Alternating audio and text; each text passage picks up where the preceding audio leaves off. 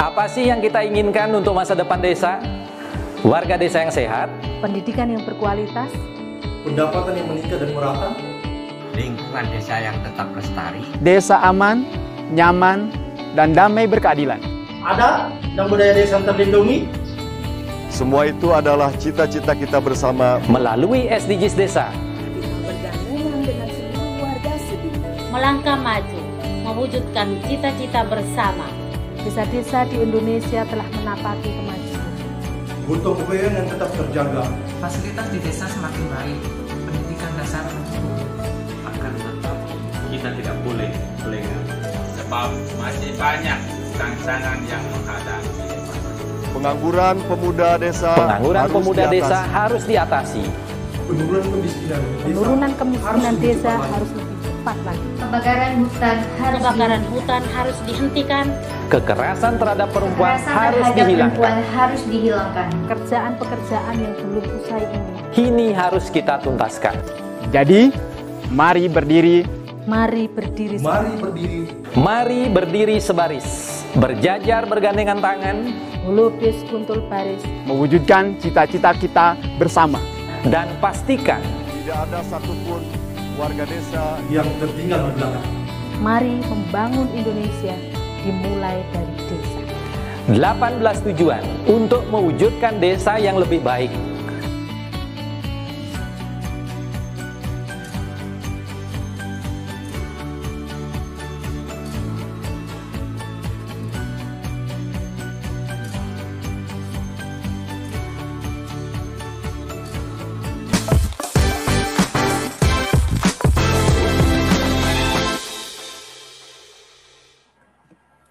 Salam bahagia kerabat desa Indonesia. Salam SDGs desa. Berdiri sebaris, lubis, kontol baris. Uh, pagi ini kita akan mendiskusikan tentang bagaimana membangun kemitraan dalam pembangunan desa. Uh, Gus Ivan belum bergabung, mungkin sedang ada acara yang lain, tapi sudah bergabung di sini ada Prof. Yayon. Selamat pagi, Prof. Selamat pagi, Enggak. Pagi. Jadi ini menjelang apa? Menjelang akhir ini, Prof. Untuk membahas tentang satu-satu uh, SDGs desa.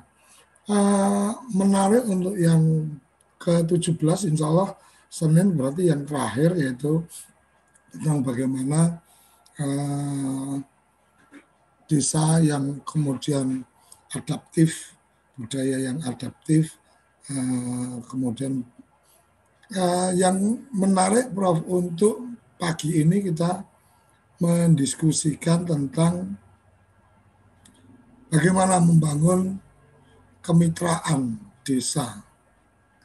Uh, Prof Yayan, sejauh yang Prof Yayan mungkin sempat ikuti di beberapa desa, mungkin dalam beberapa penelitian dan seterusnya. Apakah niat untuk bersinergi antar desa itu sudah cukup ada atau sebenarnya kadang-kadang desa juga lebih merasa ya memikirkan desanya saja atau bagaimana ini Prof? Oke, Assalamualaikum warahmatullahi wabarakatuh. Selamat pagi para kerabat desa, Bapak Ibu sekalian. Kalau kita melihat desa, itu di dalamnya unsurnya banyak sekali. Ya, kalau dikaitkan dengan Departemen Kementerian Dalam Negeri, kan ada pemerintahan desa. Ya, ada pemerintahan desa, ada perangkat desa. Ya, Tuh, ada tokoh agama, tokoh masyarakat, ya, ada pengusaha lokal sukses di desa, ya, ada penggiat masyarakat, ya, ada kalau secara organisasi ada PKK, ada macam-macam lah banyak sekali unsur-unsurnya itu. Yang itu menggambarkan keragaman di desa, ya, termasuk juga di luar desa, ya karena unsur-unsur di dalam masyarakat itu banyak sekali. Kalau secara kelompok atau secara organisasi, secara individu juga penduduk itu juga macam-macam itu. ya pendapatannya, penghasilannya, pekerjaannya, eh, adat kebiasaannya dan macam-macam itu. Ya. Jadi keragaman desa itu memang sangat luar biasa gitu dari berbagai macam aspek. Dilihat dari konsep yang lebih luas, ya, pembangunan desa itu kan aspeknya kan dua. Ya. Satu memberdayakan masyarakat, ya, dan yang kedua meningkatkan partisipasi masyarakat. Ya. Di dalam uh, teori community development pembangunan masyarakat tahun tahun 50-an uh, berlaku yang disebut dengan uh, membantu orang supaya dia bisa membantu dirinya sendiri. Ya. Saya menggagas ya membelajarkan masyarakat supaya masyarakat itu bisa belajar sendiri. Itu konsepnya di situ. Ya, bantuan-bantuan dari luar itu ya, simultan apa stimulan saja ya untuk bisa membangun ya. Oleh karena itu prinsip pembangunan masyarakat dengan pendamping-pendamping masyarakat itu ya dia tidak boleh mengintervensi terlalu jauh. Ya hanya merupakan apa namanya trigger atau pemicu atau pemacu seperti itu. Nah, secara internal di desa itu kan dulu dibingkai oleh yang namanya gotong royong itu. Bingkainya kan gotong royong itu. Tapi lama kelamaan kan makin berkurang. Saya masih ingat tuh sosiolog dari UGM ya masyarakat desa itu uh, kayak sapu lidi gitu. Sapu lidi itu kalau ikatannya kuat, ya diikat dengan kuat, ya menjadi kuat, dipakai. Tapi kalau ikatannya itu tidak kuat, menjadi terpencar-pencar, ya keberfungsiannya juga tidak ada. Nah jadi di masyarakat desa itu yang penting itu bingkainya tadi itu.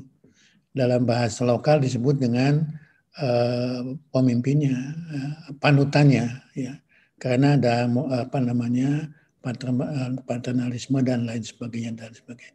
Kusipan saya lanjutkan sedikit Kusipan ya. Udah muncul. Nah, jadi eh, oleh karena itu kemudian eh, kalau tidak ada bingkainya ya kayak sapu lidi itu menjadi terpencah-pencah, kurang berguna. Tapi kalau kemudian bingkainya itu kuat, talinya itu kuat, ya mungkin bisa bersatu dan sebagainya. Itulah prinsip gotong royong dulu ya ya gotong royong dalam makna dulu itu kan tidak ada yang namanya aspek finansial ya membantu tenaga membantu uh, uh, apa namanya beras ya yang namanya inatura itu ya begitu saling membantu ya dan kemudian di, di situ kan muncul kalau kita diundang mantenan hajatan dan lain-lain itu itu kan kemudian ada kewajiban bukan kewajiban ya ada kewajiban sosial ya untuk saling memberi bantuan ya Ya.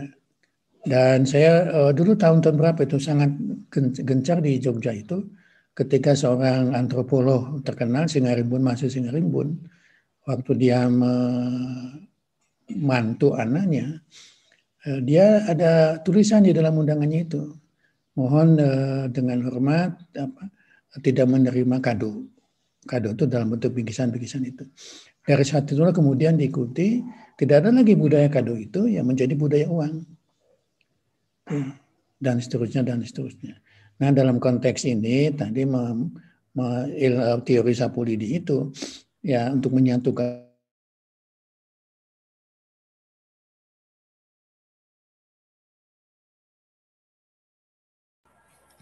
Prof. Ya, itu kemudian Ya,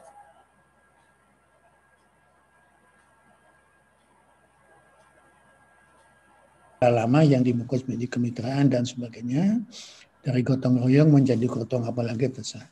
Ini Gus Ipan sudah hadir ya untuk mendetilkan indikator-indikatornya tentang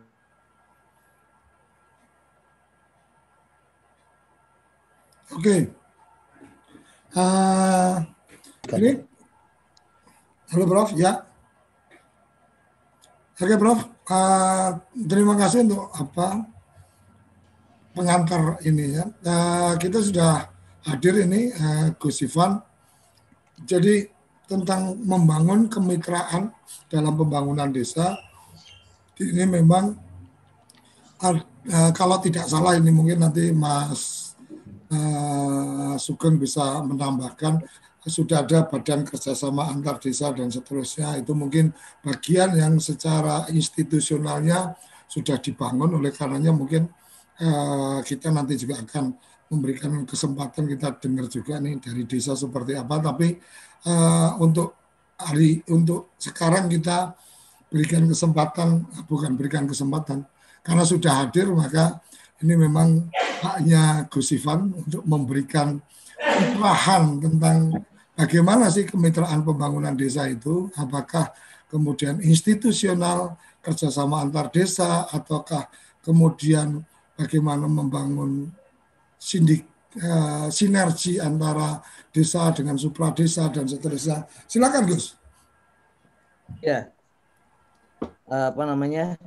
Ini seperti yang kemarin sudah kita diskusikan bagian itu bahwa SDGs desa nomor 16, kemudian 17, serta nomor 18.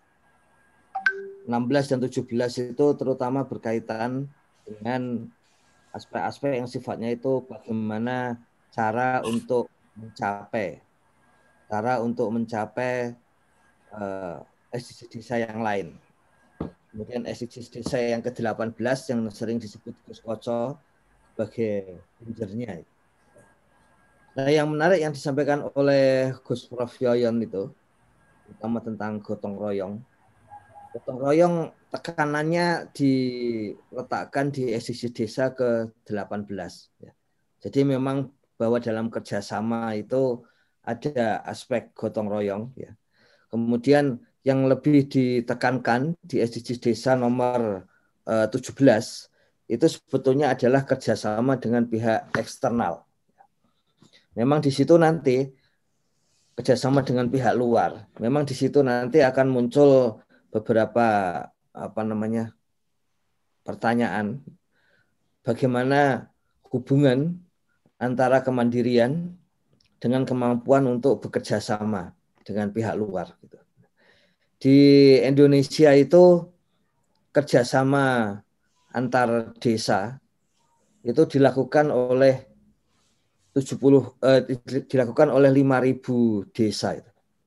Jadi dari dari 75.000 desa yang menyatakan kerjasama dengan pihak dari luar desa, entah itu dari pihak ketiga, swasta dari luar desa, maupun kerjasama antar desa yang tadi disebut BKAD, Badan Kerjasama Antar Desa, melakukan musyawarah antar desa atau MAD gitu. Itu yang aktif di tahun lalu itu hanya 5.000 desa. Jadi perlu satu kebiasaan baru juga untuk sampai pada aspek uh, kerjasama ini. Nah, ke, mengapa kerjasama itu penting? Karena kita sedang membangun seluruh aspek dari pembangunan yang ada di desa itu dan tidak pernah khawatir bahwa yang namanya membangun desa itu banyak sekali dimensinya dan paling paling cepat itu adalah dengan membangun atau menjalin kerjasama dengan pihak lain. Jadi ada ada kumpulan dari kajian-kajian terhadap desa itu, terutama kajian di desa tahun 2014 2015 2016 ternyata desa-desa yang melesat ya, yang sering dijadikan contoh pada waktu itu semuanya itu desa-desa yang bekerja sama dengan pihak luar Jadi, apa namanya itu tanda-tanda di awal ketika kita dalam arti start bersama-sama dengan undang-undang desa ya. meskipun kalau menurut Gus Koco itu startnya bukan dimulai dari undang-undang desa, ya. tapi dimulai dari demonstrasi kepala desa itu startnya lebih tapi katakanlah itu kan bedanya uh, sekitar 8 bulan ya. Kalau kita mulai start di tahun-tahun 2013 2014 itu. Kemudian yang langsung menonjol itu desa-desa yang punya kerjasama dengan pihak luar. Ya, ada desa di Magelang yang yang pada waktu itu sangat menonjol karena kerjasama dengan NGO dan LSM dan LSM-nya itu sampai internasional. Di Jogja desa-desa banyak yang menonjol kerjasama dengan UGM dan UGM sendiri bekerjasama dengan perguruan tinggi dari luar negeri. Jadi kalau dulu istilahnya banyak bule masuk desa ini bukan sekedar bule tapi memang mahasiswa dari luar negeri yang tidak bule ya. Karena dari Korea, kemudian ada yang dari Jepang seperti itu. Kemudian ada juga yang uh, kerjasama dengan swasta, terutama di desa-desa wisata di sekitar Borobudur. Ya. Mungkin dulu orang sering mengatakan, kenapa ya yang disebut kok desa-desa itu saja? Kayak karena memang langsung menonjol, langsung menonjol. Jadi di situ salah satu tanda historis di dalam perjalanan desa di Indonesia bagaimana kerjasama itu uh, memang benar itu sebagai salah satu motor. Namun tadi bahwa kerjasama dengan kemandirian itu nanti akan menjadi apakah sebaiknya kita mandiri dulu atau kita yakin bahwa kerjasama itu akan mendukung kemandirian. Dalam banyak kasus memang kemampuan kerjasama itu justru akan mendukung uh, kemandirian. Karena karena kalau ada masalah paling tidak ada yang akan membantu dari banyak pihak. Nah, pada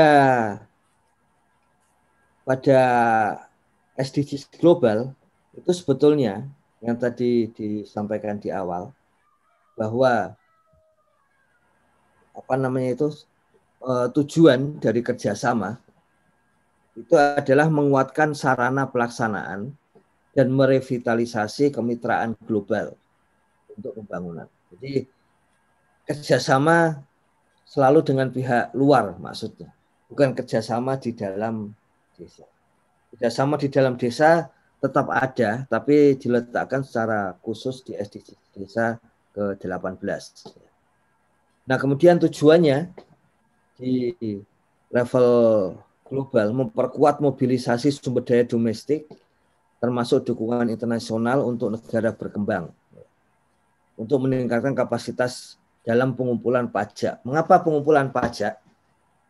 Sebetulnya pengumpulan pajak itu indikasi dari kapasitas internal, kapasitas di dalam wilayah untuk menjalankan berbagai pembangunan. Jadi eh, digunakan untuk kemampuan keluar, tetapi sumber dayanya dari dalam. Ini memang agak membahayakan kalau kita lihat desa ya. Jadi di desa itu begitu ada dana desa yang jumlahnya pada awalnya itu setara dengan jumlah APBD tahun sebelumnya. Di 2014 jumlah APBD se-Indonesia 20 triliun. Di tahun 2015 dana desa yang disampaikan ke desa 21 triliun ya. Apa artinya? Kalau hitungannya itu rasio, ya, rasio atau persentase gitu, maka hal-hal yang ada di dalam desa kemudian mengecil sangat jauh. PADES yang tadinya dominan sebagai pendapatan desa. Kenapa PADES dominan? Karena sumbangan dari luar desa sangat sedikit. Gitu. Kemudian PADES bisa turun menjadi hanya tiga persen. Ya, jadi seperti itu. Pajak, pajak itu bagi hasil pajak yang di desa itu ada pada masa itu ya, ada bagi hasil dari pajak tanah yang kemudian 10% diberikan ke desa. Sekarang masih ada yang seperti itu. Tapi juga ada retribusi di level desa. Uh, leces seperti itu ya. Jadi seperti itu sejak 2014 2015 ketika kementerian itu mulai eh, kementerian-kementerian baru dari kabinet baru itu mulai ada itu berbagai eh, apa namanya itu berbagai uh, pajak dari desa itu terutama pajak yang sifatnya untuk kalau ada tadi uh, kertas lecet seperti itu itu dihilangkan. Kemudian salah satu yang kemudian sempat mengemuka itu bagaimana sertifikat tanah itu tidak boleh diambil eh, apa namanya desa tidak boleh mengambil mau sekian sekian ratus ribu jutaan bahkan sekian rupiah pun sudah dilarang itu. Jadi tidak ada lagi pemasukan dari desa melalui pajak langsung ya, melalui retribusi langsung dari warga kepada desa gitu. Yang ada hanya bagi hasil pajak dari tanah tadi. Dan itu kemudian memang menurunkan sangat banyak menurunkan rasio pajak di desa. Rasio pajak itu artinya pendapatan desa yang diperoleh dari retribusi maupun dari aspek-aspek yang lain yang memajaki masyarakat desa. Kita ketahui sekarang dan saya sudah membuktikan berkali-kali itu memang di desa itu terutama desa-desa yang memang sudah mulai taraf berkembang mandiri dan maju itu itu sudah tidak ada lagi biaya itu relatif dan semua pekerjaan administratif bisa selesai di hari itu juga dengan loket-loket sekarang modelnya bukan lagi apa namanya meja-meja berurutan seperti di dalam kantor birokrasi begitu tapi modelnya sudah berbentuk loket. Nah, sementara itu target atau Eh, indikator nasionalnya adalah rasio penerimaan pajak terhadap PDB 12 persen. Memang rasio pajak punya makna banyak. Kemampuan dari negara, kalau kita berarti kemampuan dari desa itu sendiri, kemampuan untuk mandiri. Gitu. Juga itu bisa berarti peluang masyarakat untuk ikut di dalam pembangunan desa. Karena membayar pajak, masyarakat bisa meminta supaya pembangunan desa itu sesuai dengan dengan uh, kehendak atau kebutuhan masyarakat. Kalau kita cek APBDes di Indonesia, angka 12 persen itu, itu memang menunjukkan bahwa desa itu memang sangat mandiri. Sangat mandiri dalam arti bahwa karena ekonominya sangat maju dan bisa membayar uh, pajak begitu, maka bisa seperti itu. Nah, seperti kami sampaikan kemarin, sebagai ganti atas pajak itu, warga desa itu juga sukarela untuk membantu pemerintah desa. Tidak terlalu terasa di Jawa, tapi di luar Jawa desa semakin terpelosok itu bantuan dari warga desa itu persentasenya lebih tinggi. Jadi memang di sini pertanyaannya adalah bagaimana aspek pajak yang ada di APBDes yang ada di anggaran pendapatan. Gus, Gus, sebentar Gus. Artinya ya. ada indikasi bahwa uh, di luar Jawa sekarang justru partisipasi masyarakat untuk apa uh, ke desa lebih banyak iya. dibanding ya. di Jawa secara ya. persentase. Iya, bukan hanya persentase Gus Koco. Karena kalau persentase itu kan menunjukkan relatif ya. Ah. Tapi tapi uangnya, uang yang diberikan warga kepada pemerintah desa di luar Jawa, uang yang di dalam APBDes itu disebut uh, gotong royong, dana gotong royong dan partisipasi dari warga itu, itu memang jumlahnya juga lebih banyak di luar Jawa, terutama di Indonesia bagian timur.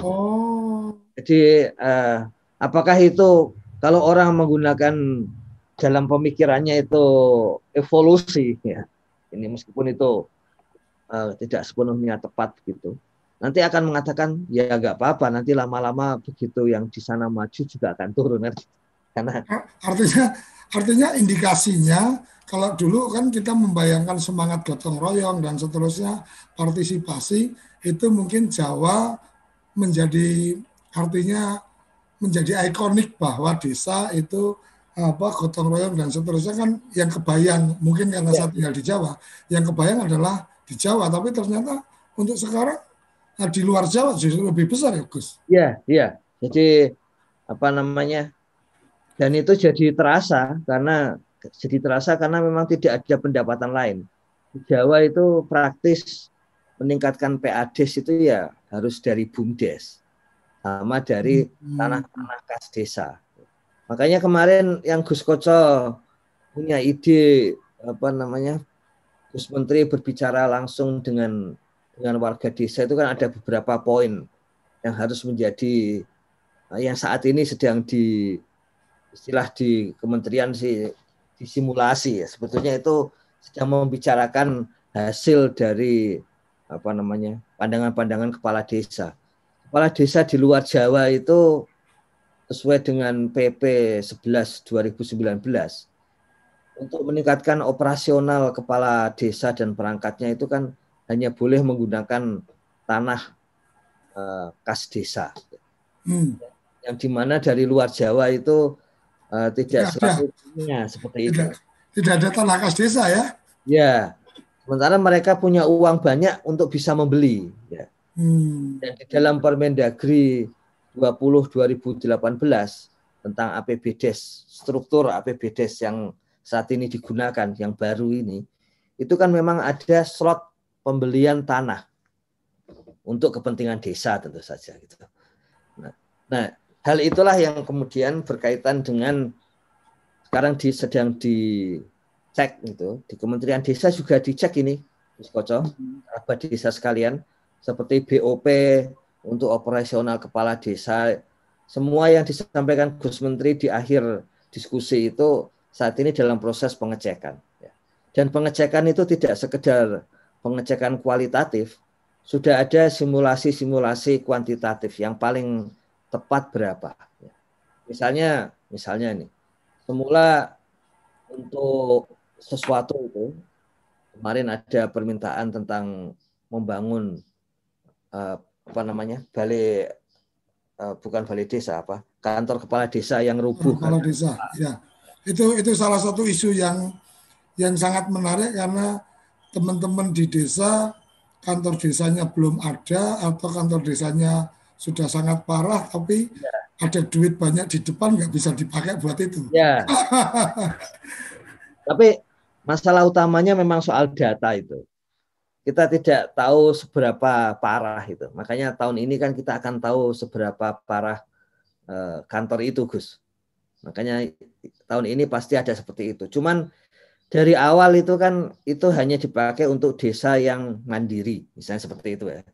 Tapi dengan uh, komunikasi langsung kemarin itu kemudian misalnya kemudian jadi muncul simulasi oh nggak nggak bisa cuma mandiri, paling cuma persentasenya yang berbeda-beda di masing-masing kelas desa itu.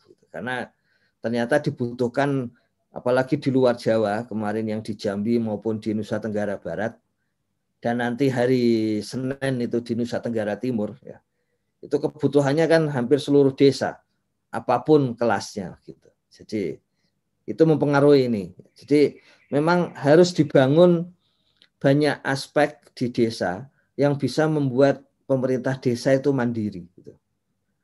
selama ini kan kemandirian di dalam undang-undang desa dari BUMDes tapi mungkin perlu perlu dilihat yang lain. Nah ini yang tadi ditegaskan pertanyaannya oleh Gus Koco soal uh, perpajakan dan dan bagaimana sumbangan yang mandiri dari dari uh, masyarakat itu. Harap kita ingat meskipun ada di dalam undang-undang desa, ya dana desa itu di undang-undang desa kan nggak ada namanya. Semuanya kan sama seperti konsep sebelumnya, ya. ADD alokasi dana desa. Kemudian karena ada berbagai dinamika setelah itu dipisahkanlah antara dana desa dan ADD. Dan kemudian muncullah konsep di dalam dana desa seperti biasa ini. Kalau kita melihat regulasi itu yang paling penting itu ayat terakhirnya itu. Ya. Karena kalau istilah di dalam sosiologi hukum itu setannya itu ada di ayat terakhir itu. Dan salah satu ayat terakhir di dana desa itu kan sesuai dengan anggaran pendapatan dan belanja negara, sesuai dengan kemampuan negara. Artinya memang harus ada plus komitmen politik dari pemerintah untuk memastikan dana desa itu ada. Jadi, itu uh, uh, ayat ayat-ayat uh, yang sifatnya ya the devil ayat itu menunjukkan bahwa suatu ketika dana desa itu memang bagaimanapun berpeluang untuk hilang semuanya menjadi ADD ya. atau ber, atau berkurang begitu. Jadi memang ada peluang seperti itu. Makanya penting untuk melihat yang bagian kemandirian keuangan desa itu sendiri. Kemudian yang kedua ini Gus dan kerabat desa sekalian.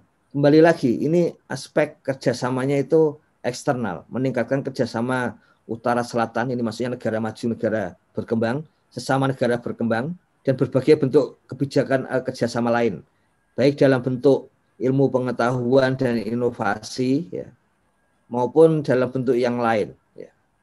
Jadi di sini terutama berkaitan dengan teknologi. Di Indonesia kemudian menjadi kerjasama dengan negara selatan-selatan atau triangular. Dan kemudian di di SDGs desa itu bentuknya adalah kerjasama antar desa. Kemudian apakah ada kerjasama desa dengan pihak ketiga? Yang pihak ketiga tidak hanya dibatasi dalam bentuk swasta, tapi juga pihak-pihak lain sampai ke lembaga internasional. Hal yang sudah pernah terjadi, misalnya contoh tadi desa-desa di Magelang, kerjasama dengan lembaga internasional tapi bukan donor, LSM. Hmm. Dan mungkin yang menarik juga di sini adalah kerjasama terutama teknologi yang saya yakin sebentar lagi akan terlaksana untuk desa-desa karena kita punya Bu Agnes yang kemarin sudah siap saling kerjasama teknologi tepat guna yang sifatnya teknis yang mudah digunakan di desa ya. Mbah Pardi Geni Langit juga menyampaikan bekerja sama dengan lembaga penelitian untuk pertanian-pertanian di wilayah desa beliau gitu. Nah itu akan dikembangkan kerjasama teknologi. Kemudian ini adalah berikutnya adalah tujuan di level nasional yang mudah kita terapkan di desa sebagai desa digital, smart village, penambahan jaringan internet di dalam desa. Jadi jaringan kerjasama itu memang sifatnya sosial, seperti yang disampaikan oleh Prof. Yoyon, juga jaringan yang sifatnya fisik, networking. Atau kalau di dalam istilah di Gus Koco itu adalah tol langit, ya. yang di desa wifi itu. Ya. Jadi di sini tulang punggung serat optik nasional yang menghubungkan seluruh pulau besar dan kabupaten. Ya. Jadi orientasinya kepada serat optik. Ya. Dan itu sebabnya selama tahun lalu sampai akhir di 2020 itu. Yang tadinya sudah disampaikan targetnya adalah seluruh Indonesia tercover internet itu kemudian tercover internet untuk wilayah kota besar maka kemudian uh, langsung ada switch, ada apa banting setir bahwa internet dan kecepatan internet yang tinggi di desa itu akan kita pastikan tahun ini terlaksana dengan seluruh sumber daya yang ada. Jadi tidak harus menggunakan serat optik kalau memang harus dengan satelit ya satelit nggak apa-apa. Atau dengan dengan gelombang rendah ya kita pakai yang gelombang rendah. Kemudian penetrasi akses uh, fixed broadband ini sama aja WiFi. Ya. Kemudian uh, menggunakan handphone, WiFi atau apa saja yang penting internet ada di desa. Kita harus hati-hati ini Gus Koco dan kerabat desa sekalian. Sekarang kita bisa belajar, misalnya begini. Sekarang salah satu penerima hadiah Nobel itu menggunakan model pengembangan desa, revolusi diam ya, nggak nggak terlalu kelihatan di dalam desa itu melalui SD Impress. Ya. Sebelumnya itu Nurholis Majid pernah menyampaikan di tahun tahun-tahun 90-an SD Impress itu mengubah pola pendidikan di desa dari semula banyak ke pesantren menjadi banyak ke sekolah umum dan kemudian pola kiai desa pun jadi ikut berubah. Maksudnya beliau pernah menyampaikan analisis seperti itu. Tapi secara ekonomis penerima hadiah Nobel itu menyampaikan bahwa uh, rekomendasi untuk membuat SD Impress yang kemudian dijalankan di Indonesia betul-betul mengubah wajah desa di Indonesia sejak tahun 70. Jadi, yang mengubah tidak hanya yang Gus Gus Prof Yoyon menyampaikan bahwa memang ada perubahan seperti apa namanya padi unggul masuk pada waktu kita membicarakan mengenai lingkungan kemarin, tapi juga memang ada perubahan yang sifatnya uh, pengetahuan dan sikap ya. Dan untuk saat ini saya kira apa namanya TV desa sudah sudah memberikan gambaran yang sangat jelas itu dan Kementerian Desa termasuk yang percaya hal itu sehingga melakukan antisipasi yang sama. Kita yakin bahwa revolusi dalam diam untuk desa saat ini itu adalah revolusi internet. Dan itu kalau desa tidak segera ikut maka bisa tertinggalnya sangat jauh. Apa enaknya revolusi internet? Ini ada kajian terhadap kondisi internet di Singapura yang kita anggap salah satu yang salah satu yang sangat bagus lah di sekitar Indonesia gitu. Bahkan perguruan tinggi di Singapura pun baru memulai secara luas di tahun 2005. Bandingkan bandingkan dengan cara berpikir lama tentang pembangunan desa, bukan cara berpikir yang baru ya, yang lama bahwa desa dimulai dari pertanian, kemudian masuk ke industri, kemudian nanti yang terakhir lebih banyak dominasi jasa. Itu bedanya kalau tadi 2005 sampai sekarang itu katakanlah 15 tahun. Kalau kita merujuk kepada bagaimana meningkatkan industrialisasi pedesaan dan sebagainya begitu, itu kita merujuk dari tahun 1750 ke tahun 2000. Jadi sekitar 250 tahun ketertinggalan desa kita dengan adanya industri yang pertama kali berkembang gitu. Jadi memang sangat sangat relevan dan sangat masuk akal kalau kita mengajak desa untuk dinamisnya dengan cepat itu ya melalui melalui internet. Itu jauh lebih lebih rasional daripada daripada misalnya uh, membangun desa dengan cara yang lain. Sebetulnya seperti itu. Jadi kalau usul kami memang dan ini sedang dikaji apakah apakah membangun jalan dengan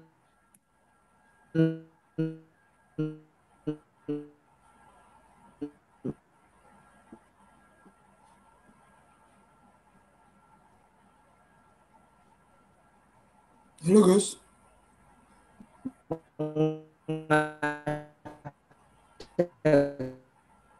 Sinyal ini. Halo, Gus Ivan. Di desa memiliki hasil yang itu untuk memberikan kita basis uh, ya. Ya ya. Tentu saja nanti tergantung desa lagi. Ya, tadi sempat putus-putus. Ya, ya. membangun jalan desa?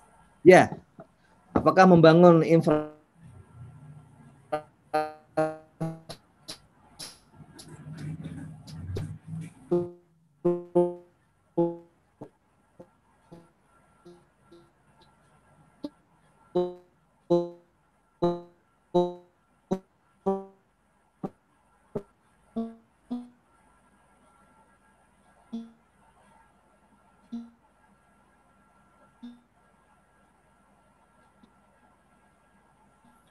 sepertinya ada gangguan sinyal dari uh, Gus Ivan. Uh, sambil menunggu Gus Ivan, kita jeda sesaat untuk ngaduk kopi teh yang sudah tersedia. Jangan ke mana-mana, tetap di sarapan SDGs. Seperti jalan desa, dengan desa yang dengan kamu tinggal di pulau terpencil, pegunungan pinggiran kota, atau daerah di Indonesia yang tidak terjangkau jaringan fiber, ADSL, dan juga 3G. Internetan dengan cepat pasti cuma akan menjadi mimpi.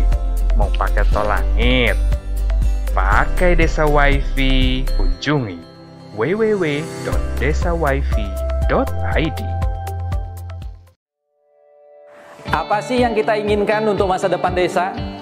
Warga desa yang sehat, pendidikan yang berkualitas, pendapatan yang meningkat dan merata, lingkungan desa yang tetap lestari, desa aman, nyaman, dan damai berkeadilan. Ada dan budaya desa terlindungi. Semua itu adalah cita-cita kita bersama melalui SDGs Desa. Satu, desa tanpa kemiskinan. Dua, desa tanpa kelaparan.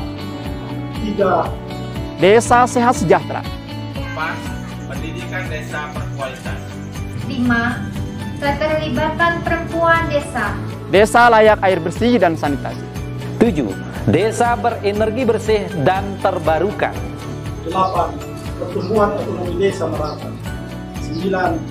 Infrastruktur dan inovasi desa sesuai kebutuhan. 10. Desa tanpa kesenjangan. 11. Kawasan permukiman desa aman dan nyaman. 12. Konsumsi dan produksi desa sadar lingkungan. 13. Desa tanggap perubahan iklim. 14. Desa peduli lingkungan laut. 15. Desa peduli lingkungan darat. 16. Desa damai berkeadilan. 17. Kemitraan untuk membangun desa. 18. Kelembagaan, desa dinamis, dan budaya desa adaptif.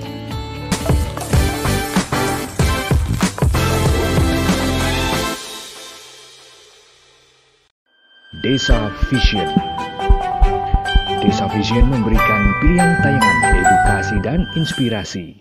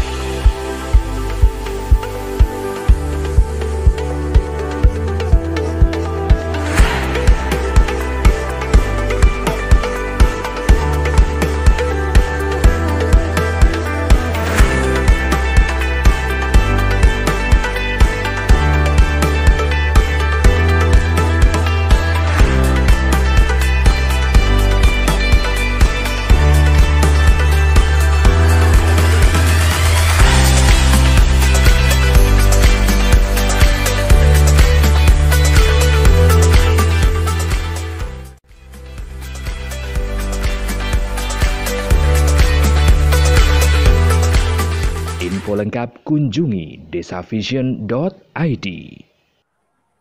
Oke, kembali kita di sarapan SDGs Desa.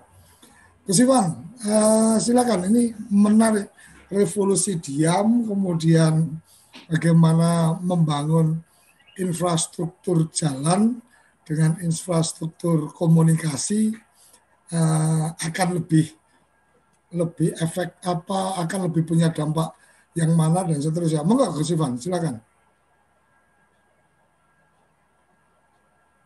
Terima kasih Gus Koco, kerabat desa sekalian. Mohon maaf ini uh, sinyalnya ini kayaknya lebih bagus siaran di dalam mobil memang.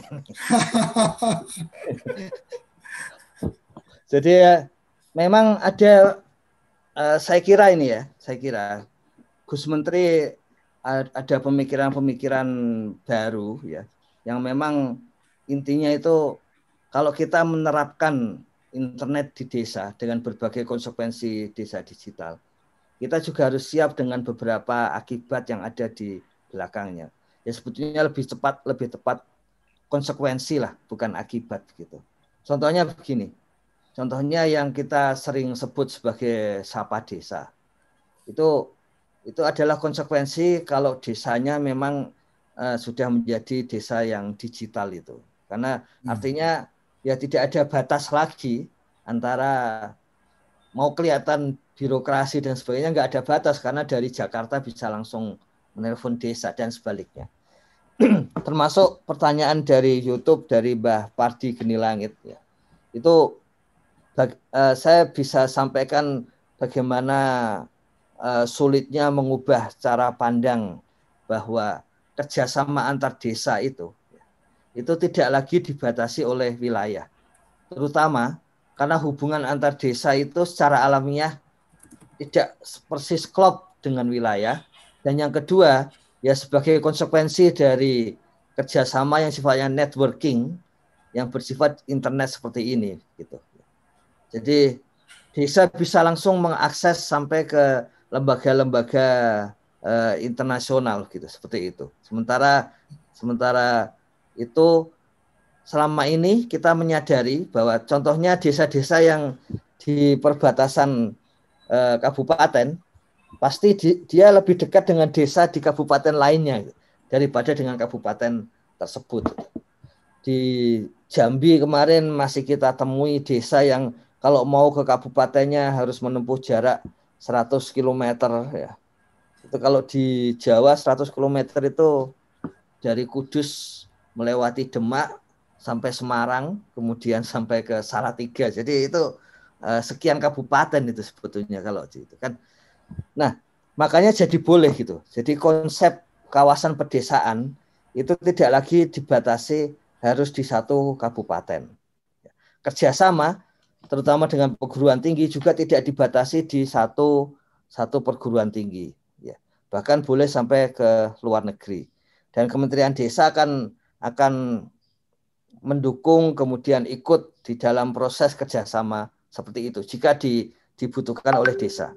Misalnya kalau kalau bumdes di desa itu membuat bumdes bersama ya dengan bumdes dari provinsi lain itu kan di dalam aturan lama mengharuskan perda kerjasama antara dua provinsi gitu.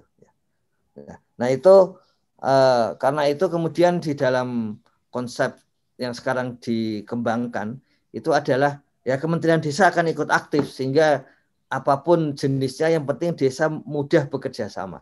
Urusan administratif biar di dibereskan bersama-sama di antara uh, birokrasi pemerintahan gitu.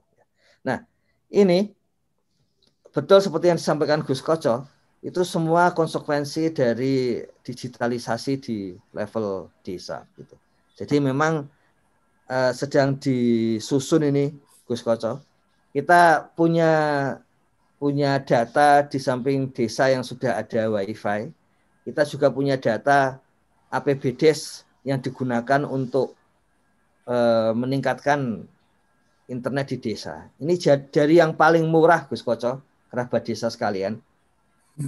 Jadi ada desa yang mengeluarkannya itu hanya untuk iuran pulsa, untuk membayar pulsa. Tapi sampai ada desa yang dalam hal internet itu membangun tower. Dan tidak hanya satu tower, tidak hanya tahun itu. Jadi ada desa yang membangun tower tidak hanya satu dan selama bertahun-tahun. Ya. Jadi uh, saya kira itu aspek yang yang menarik ya, banyak aspek menarik di desa Nah, dalam beberapa bulan saya kira hasilnya nanti kita akan sama-sama ketahui nih Gus Koso. Bagaimana hasilnya itu. Kalau saya lanjutkan sebentar ya. Silakan, silakan. Ya, biar apa namanya. Jadi eh, tadi soal internet, jaringan internet dan kemudian kerjasama dengan lembaga-lembaga internasional ya. Kerjasama dengan lembaga-lembaga internasional dan ini sudah banyak uh, ya, sudah mulai ada gitu.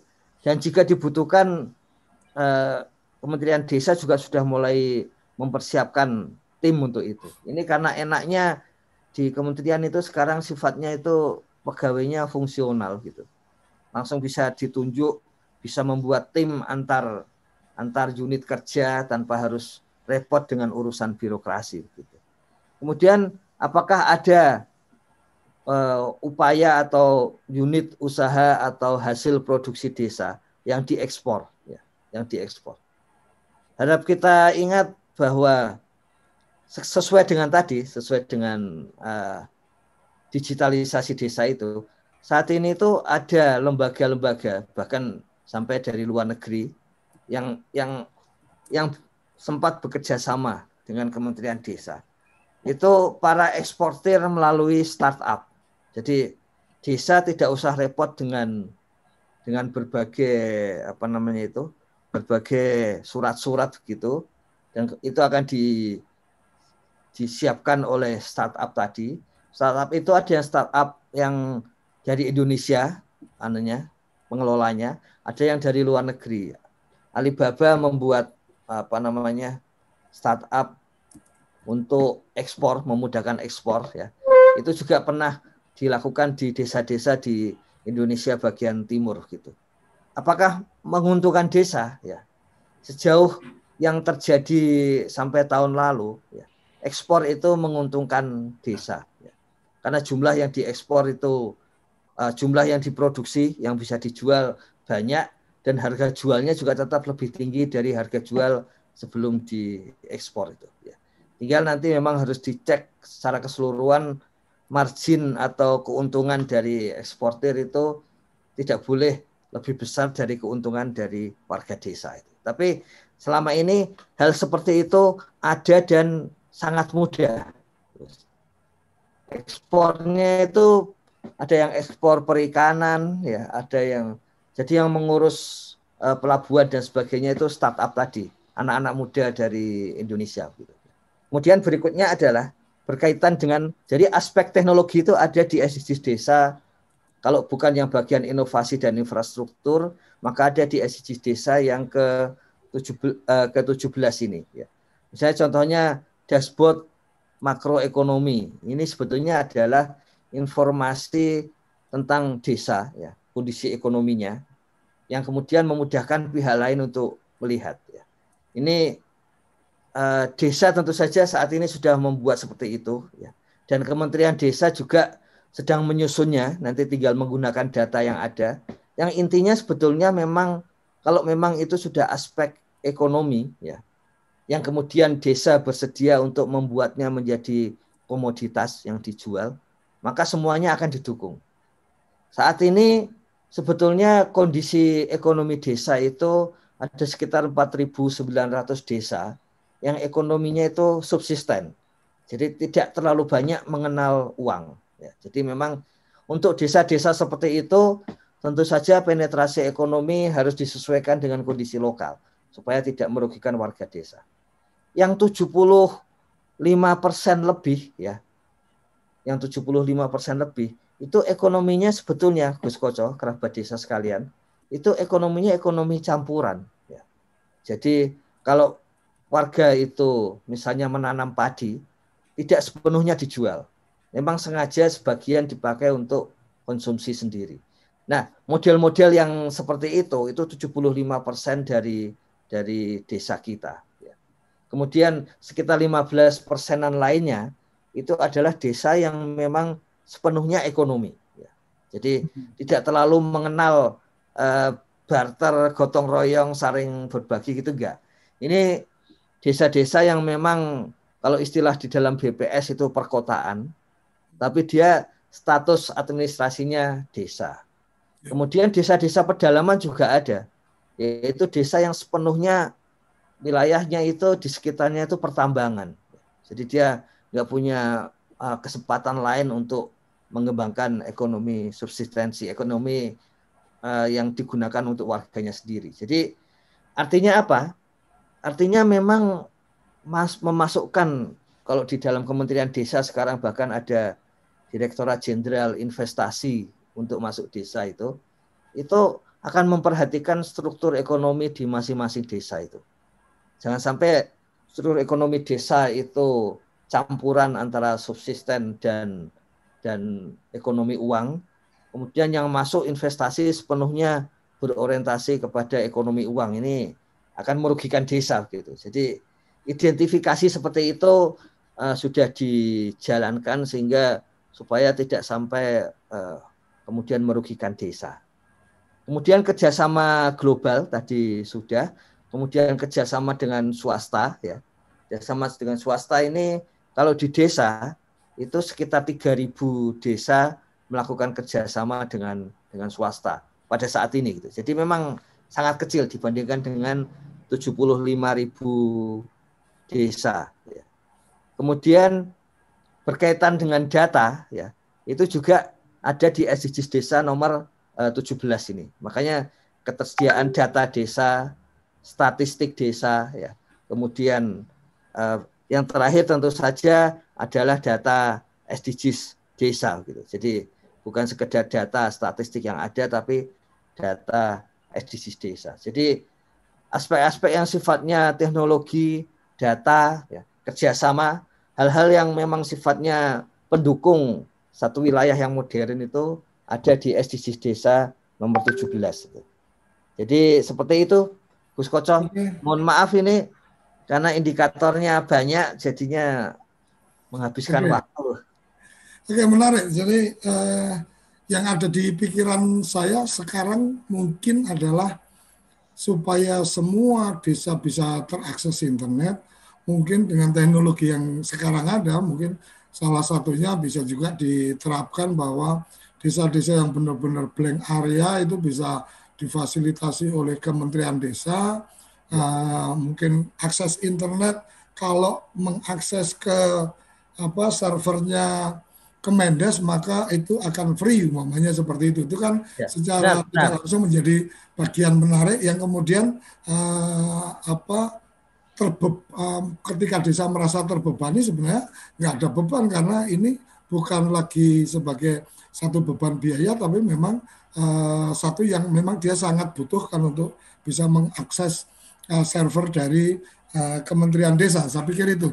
Eh, di penghujung acara kita mungkin saya ingin mendengarkan dari Bu Agnes karena ada tadi dari Mbak Lurah Parti tentang eh, memperluas kerjasama kampus, apakah ke kampus mereka bisa bekerja sama dengan apa kebetulan Mbak Parti ini posisinya di Jawa Timur tapi malah mendapat apa KKN dari Solo umpamanya. Nah harapan untuk bisa bersinergi dengan kampus seperti apa dan mungkin uh, Bu Agnes juga bisa memberikan apa tanggapan atas apa yang tadi disampaikan oleh Gus Ivan. Silakan Bu Agnes. Ya, terima kasih Bos Koco.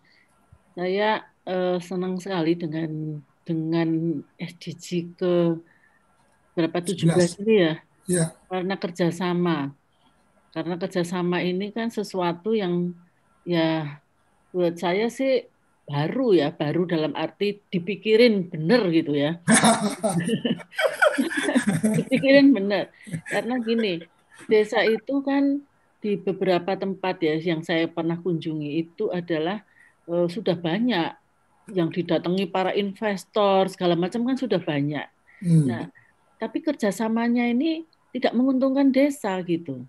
Hmm. Nah, sehingga kalau misalnya ini memang nanti akan bisa diberikan eh, guidance yang baik ya dengan adanya SDG ini, dengan adanya indikator SDG di sini, barangkali desa itu akhirnya terlindungi, ya terlindungi untuk bisa di bekerja sama yang menguntungkan bagi desanya. Ada banyak, contohnya kalau di villa-villa itu loh, eh, Hmm. di apa itu di pantai-pantai yang di Lombok itu contohnya itu, itu Hmm. banyak yang punyanya orang asing, orang asing.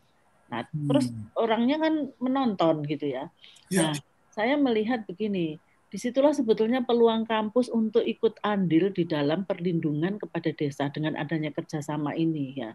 Biasanya kami sudah sering me- melakukan apa kerjasama dengan luar negeri misalnya untuk membangun desa, tapi itu kan piloting ya. Hmm. Umumnya kan mereka tidak punya uang yang cukup untuk menjadi besar, tapi piloting. Nah, tetapi kan di posisi itu desa itu seperti objek. Nah, sekarang desa di dalam hal ini kan menjadi subjek. Dalam hal bekerja sama itu kan menjadi subjek. Jadi bagaimana memposisikan dia sebagai subjek itu kan yang harusnya mikirin tuh orang kampus gitu.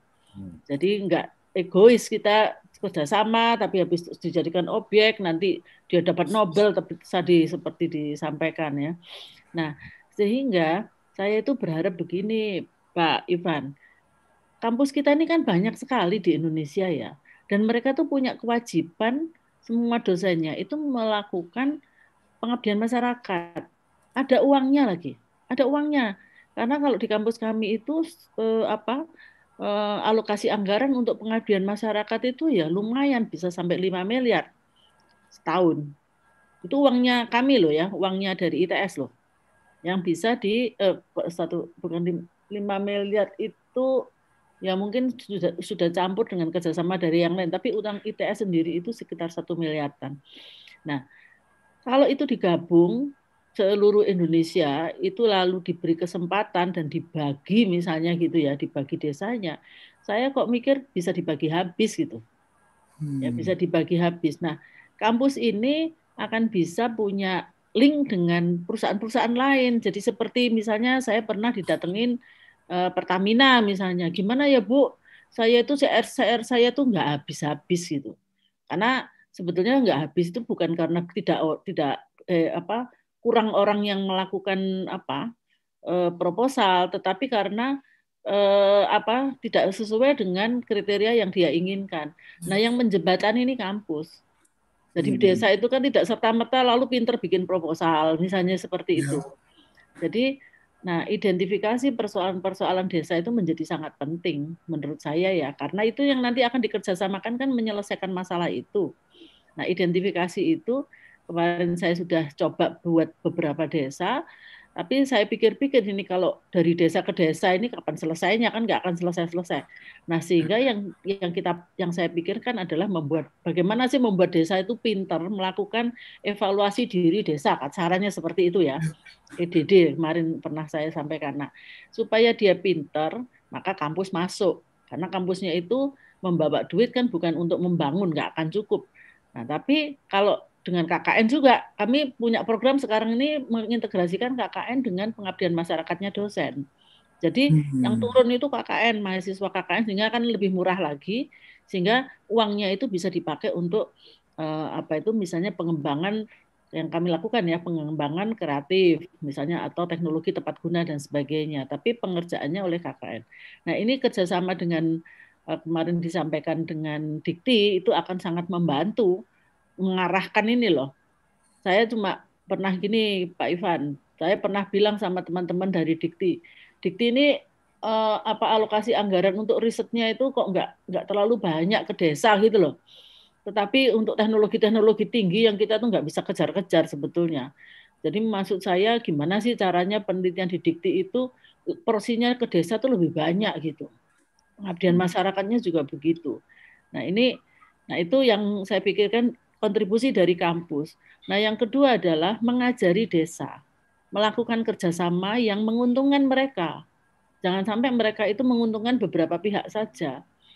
Jadi, ya, mengajari desa ini juga salah satu pengabdian masyarakat kami harusnya mengajari desa untuk dia bisa siap melakukan kerjasama bagaimana caranya. Karena mungkin desa itu kan nggak nggak tahu lubang-lubangnya seperti tadi internet desa kami saya dengan Bu Yanti pernah mencoba eh, apa tuh namanya membantu menghubungi Telkomsel supaya dia pasang tower di situ gitu dan sukses gitu. Nah, tapi orang desanya sendiri kan nggak tahu caranya ya kita bikinin proposalnya. Nah, seperti itu Gus Ivan. Jadi memang kampus itu menurut saya di tengah-tengah sangat penting.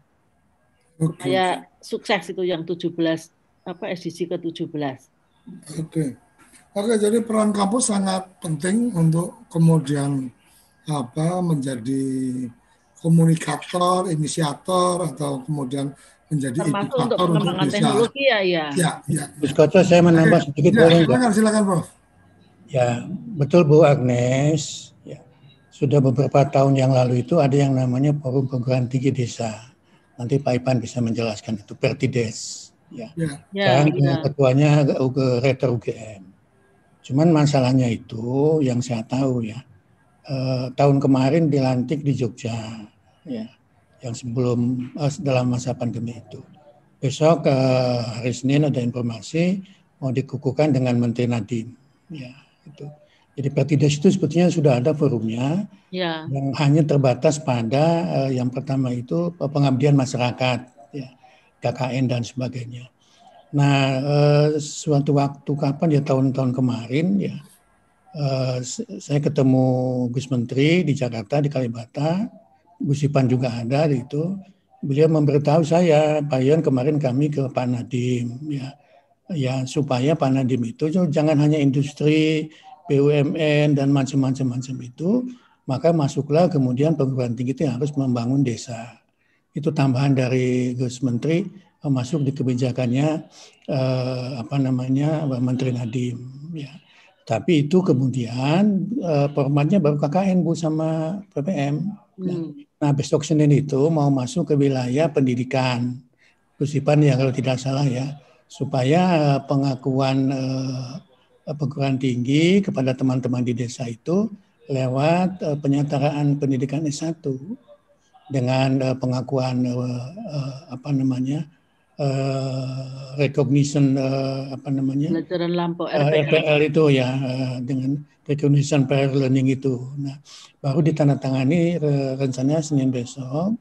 Tapi itu harus apa namanya ya tidak berhenti sampai penandatanganan itu gitulah saya maksud itu.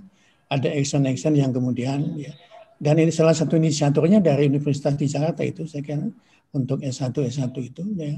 Dan uh, sudah dikenalkan dengan prestisius tahun kemarin supaya ya ya penelitiannya ya pengabdian masyarakatnya dan uh, macam-macam itu. Bu Agnes tolong dibantu juga itu di tema-tema nasional ya. Iya. Penelitian-penelitian itu kan semua kan industri itu. Iya. Ya, ya jadi memang semua ke sana yang desa itu terlupakan ya. Jadi mohonlah be- bidangnya. eh, begitu nanti kita bersama-sama.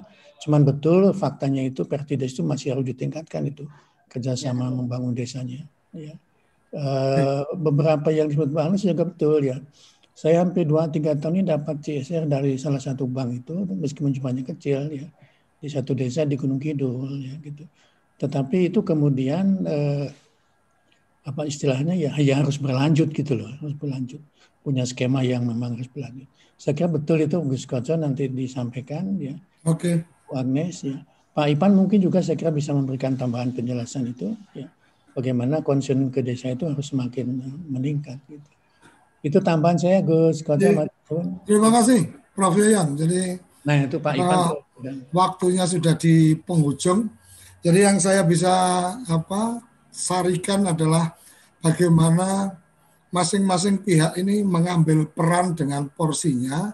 Kemudian eh, ini sebenarnya dulu pernah 2009 saya sempat apa lontarkan ke eh, Presiden SBY waktu itu ketika Kementerian PDT itu kita dorong menjadi Kementerian Pembangunan Perdesaan. Itu idenya lebih pada eh, menjadi semacam menteri koordinator untuk urusan membangun desa. Karena memang dengan bahasa pembangunan perdesaan kita tidak lagi bicara tentang uh, kementerian yang ad hoc, daerah uh, daerah tertinggal atau atau seterusnya, tetapi memang akan selalu membangun desa. Nah, uh, karena waktu kita terbatas dan ini sudah melewati waktunya, tapi yang jelas hari Senin adalah SDGs desa yang ke-18 itu yang konsep ide kita tentang bagaimana memberikan pencerahan tentang masing-masing SDGs akan selesai di hari Senin dan mungkin mulai Selasa saya ber, berpikir bahwa mungkin uh, lebih ke mengarah satu apa uh, obrolan di sarapan SDGs ini lebih pada bagaimana desa dan masyarakat itu membaca atau melihat SDGs desa. Jadi kalau kemarin kita lebih ke yang pertama adalah Kementerian Desanya, mungkin untuk setelah hari Senin kita pengen yang pertama adalah masyarakat atau desanya. Mungkin Pak Kades bicara dulu memandang SDGs desa itu seperti apa, pemahamannya, kemudian nanti dari tema, apa dari Gus Ivan memberikan uh, jawaban atau memberikan pencerahan. Oh ini berarti SDG sekian, ini indikatornya seperti ini dan seterusnya. Jadi kita akan benar-benar memahami jadi SDGs desa itu seperti apa. Karena kemarin sempat terlontar uh, satu ide apa satu pemikiran kecil di kepala saya ketika Indonesia merdeka itu punya Pancasila artinya apa eh, tujuan dan eh, pijakannya itu adalah Pancasila maka bagaimana membangun desa ini Gus Menteri sepertinya udah jadi Little Soekarno juga tentang tentang desa jadi ketika bicara SDGs desa maka ini ibarat kata membangun Indonesia berdasar Pancasila membangun desa berdasarkan SDGs desa karena SDGs yang ke-18 itu adalah sila kelima keadilan sosial. Kalau SDGs apa 18 itu tentang bagaimana desa apa tentang budaya adaptif dan eh, apa eh, saya, saya lupa persisnya tetapi ada tentang kelembagaan desa kelembagaan desa eh, apa yang eh, apa yang bisa benar-benar apa mengikuti perkembangan kemudian budaya desa juga mengikuti perkembangan. Saya pikir itu yang bisa saya sampaikan. Semoga hari Senin kita mendapatkan pencerahan yang luar biasa. Bisa jadi waktunya jadi lebih panjang karena hari Senin ini apa kita bicara kata kuncinya dari SDGs desa atau tambahan uh, apa goals yang menjadi penting untuk urusan desa. Sampai di sini kerabat desa Indonesia, mohon maaf ini agak apa uh, molor waktunya, tetapi satu hal yang penting bahwa kita bisa mendapatkan pencerahan tentang apa itu SDGs desa. Salam bahagia kerabat desa Indonesia berdiri sebaris holubris kontrol baris. Terima kasih. Apa sih yang kita inginkan untuk masa depan desa? Warga desa yang sehat, pendidikan yang berkualitas, pendapatan yang meningkat dan merata, lingkungan desa yang tetap lestari, desa aman, nyaman, dan damai berkeadilan.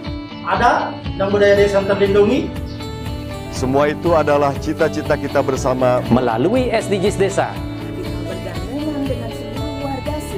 Melangkah maju, mewujudkan cita-cita bersama. Desa-desa di Indonesia telah menapaki kemajuan. Butuh kebayaan yang tetap terjaga. Fasilitas di desa semakin baik, pendidikan dasar mencukupi. Akan tetap kita tidak boleh lengah sebab masih banyak tantangan yang menghadapi. Pengangguran pemuda desa Pengangguran harus pemuda diatasi. desa harus diatasi. Penurunan kemiskinan desa, Penurunan kemiskinan harus desa lebih cepat harus lebih cepat lagi. Kebakaran hutan harus Kebakaran hutan harus dihentikan. Kekerasan terhadap perempuan Kekerasan harus terhadap dihilangkan. perempuan harus dihilangkan. Pekerjaan-pekerjaan yang belum usai ini. Kini harus kita tuntaskan. Jadi, mari berdiri, Mari berdiri. Mari berdiri Mari berdiri sebaris, berjajar bergandengan tangan, Holubis kuntul baris. mewujudkan cita-cita kita bersama. dan pastikan Tidak ada satupun warga desa yang tertinggal di belakang. Mari membangun Indonesia dimulai dari desa. 18 tujuan untuk mewujudkan desa yang lebih baik